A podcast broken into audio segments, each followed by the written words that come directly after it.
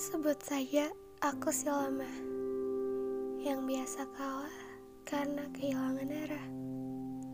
Salah satunya arah untuk menyapamu kembali agar kita bisa menetap bersama lagi.